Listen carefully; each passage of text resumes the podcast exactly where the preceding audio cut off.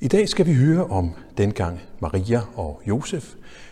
De kommer ind i templet med det lille Jesusbarn, og der møder gamle Simeon, som tager Jesusbarnet i sine arme, og som så lovpriser Gud med ordene, Herre, nu lader du din tjener gå bort med fred efter dit ord. For mine øjne har set din frelse, som du har beredt for alle folk. Dette hellige evangelium skriver evangelisten Lukas. I Jerusalem var der en mand ved navn Simeon. Han var retfærdig og from og ventede Israels trøst. Helligånden var over ham, og den havde åbenbaret for ham, at han ikke skulle se døden, før han havde set Herrens salvede. Tilskyndet af ånden kom han til templet, og da forældrene kom ind med barnet Jesus, for at gøre med ham, som det var efter sædvane, efter loven, tog han barnet i sine arme og lovpriste Gud. Herre, nu lader du din tjener gå bort med fred efter dit ord. For mine øjne har set din frelse, som du har beredt for alle folk. Et lys til åbenbaring for hedninger og en herlighed for dit folk Israel. Hans mor og far undrede sig over det, der blev sagt om ham, og Simeon velsignede dem og sagde til Maria, hans mor, Se, dette barn er bestemt til fald og oprejsning for mange i Israel, og til at være et tegn, som modsiges. Ja, også din egen sjæl skal et svær gennemtrænge, for at mange hjerters tanker kan komme for en dag. Der var også en profetinde ved navn Anna, en datter af Fanuel af Ashers stamme. Hun var højt op i årene. Som ung jomfru var hun blevet gift og havde levet syv år med sin mand. Og hun var nu enke på 84. Hun forlod aldrig templet, men tjente Gud nat og dag med faste og bøn. Hun trådte frem i samme stund, priste Gud og talte om barnet til alle, der ventede Jerusalems forløsning. Da de havde udført alt i overensstemmelse med Herrens lov, vendte de tilbage til Galilea, til deres egen by Nazareth. Og drengen voksede op, blev stærk og fyldt med visdom, og Guds nåde var over ham. Amen. I det 16. århundrede så tog missionæren Matteo Ricci til Kina. Han medbragte så en samling religiøs kunst for at illustrere den kristne historie for de mennesker, som aldrig havde hørt om den før. Kineserne de tog med glæde imod billederne af Jomfru Maria, der havde sit barn i sine arme. Men når de så så billederne af korsfæstelsen, og missionæren forsøgte at forklare dem, at Guds søn kun levede for at, så at blive henrettet for vores skyld, så blev tilhørende bange. De foretrak jomfruen, og de ville hellere tilbe hende, end den korsfæstede Jesus. Når vi ser på den kristne juleudsmykning, så kan det se ud til, at vi også i de kristne lande har det lidt på samme måde. Vi fejrer primært en, en hyggelig højtid, hvor vi føler os hjemme. Og det er som om, vi har renset højtiden for alt, hvad der kunne minde om, at den historie, der begyndte i Bethlehem, den rent faktisk skulle ende på Golgata. I fødselshistorierne hos Lukas og Matthæus er der en person, som ser ud til at spore mystikken i det, Gud har sat i værk. Det er ham, vi har hørt om i dag. Den gamle Simeon. Han genkender det lille barn som Messias. Og Simeon forstår også, at der må følge en konflikt efter det her. Han siger, se, dette barn er bestemt til fald og oprejsning for mange i Israel, og til at være tegn, som modsiges.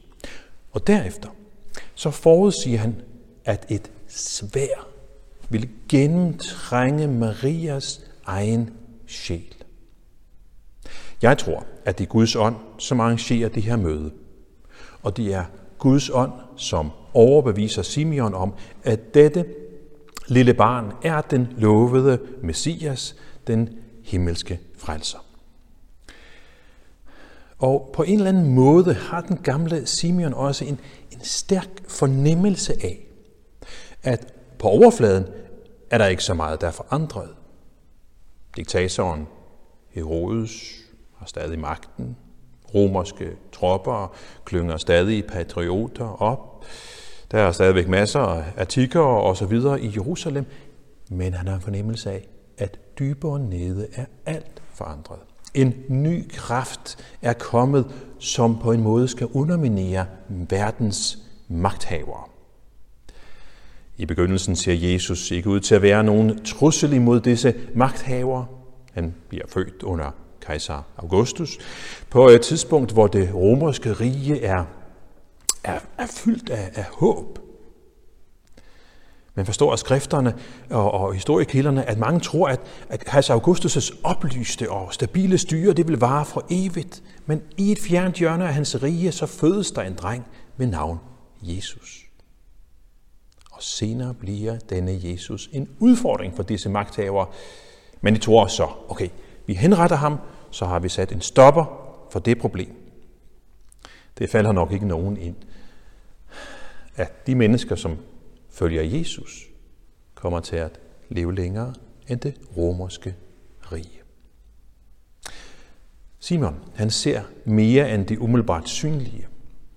Han ser, at dette ikke bare er et almindeligt barn, men dette er Gud selv, som er kommet ind i vores tilværelse som en af os. Og nu har han altså set det, som han har ventet på. Guds frelse til os mennesker. Og han fortæller om den her frelse til alle folk. Og han bereder også, som nævnt, Maria på den smerte, den bitre smerte, som senere vil fylde hende. Men han bringer også trøsten på forhånd, for han ser også opstandelsen i en eller anden udstrækning, og ved, at som vi dør med ham, skal vi også opstå til liv med ham, så sandt vi lader ham kalde os for sine børn. Også for profetinden Anna er det umiddelbart klart, at Guds frelse er kommet i det her lille Jesusbarn. Også hun lovpriser Gud og fortæller om hans frelse til alle, der ønsker at høre. Julenat, så var der engle, der forkyndte Guds frelse overalt. Men hvis Gud får åbnet vores øjne, så kan vi se, at sådan er det også i dag, også denne jul. For Guds frelse er virkelig kommet til dig og mig. Og han elsker, og han kender ved os. Og han kender os. Og han vil have, at vi skal kende ham og elske ham. Og at vi skal gøre det kendt for dem, vi møder på vores vej. Ligesom Simeon og Anna ikke holdt sig tilbage med at fortælle andre om, at de havde set Herrens frelse. Og motivationen for at gøre Jesus kendt er, at det har store konsekvenser. Om man tror på ham eller ej. Som Simeon nævnte det, så er Jesus bestemt til fald eller til oprejsning. Og sådan har det været lige siden. Overalt i verden, hvor Jesu navn har lyttet. Og ingen kan forhindre det, fordi Gud selv, som har sat Jesus til fald eller oprejsning. Over for ham må et menneske tage stilling, og det kommer ingen udenom. På Jesu tid så blev det jødiske folk stillet over for det her store valg. For eller imod Jesus. Og de fleste af hans landsmænd desværre forkastede ham. Men der var nogen, som tog imod Jesus. Og alle dem, der tog imod ham, gav han ret til at blive Guds børn. Og for dem blev han altså bogstaveligt talt til oprejsning. For et ja til Jesus er også et ja til Gud. Men for de fleste af Israels folk blev svaret desværre et ganske andet, et nej til Jesus. Og dermed også et dybt og frygteligt nej til Gud og fald bort fra Gud. Og det her valg, det står vi også i. At tage imod Jesus og hans frelse, eller at forkaste ham. Hver gang vi hører evangeliet om Jesus, så stiller vi over, stilles vi også over for dette valg. Dette valg drejer sig om det ene. Skal Jesus blive til fald for mig, ved at jeg klar, vil klare mig uden ham? Eller skal Jesus blive til oprejsning for mig, ved at jeg bøjer mig for ham og tager imod hans frelse? Den frelse, som Gud har beredt for alle, som vil tage imod ham. Amen. Lad os bede sammen. Evig Gud, lovet vær du, for ved din vilje er vi skabt. Ved din kærlighed er vi forløst, og ved din ånd skal vi se din søn, når han kommer til os her og nu i svaghed og magt, under modstand og foragt, og i glans og herlighed, når tiden er inde. Vi beder dig, tal os med.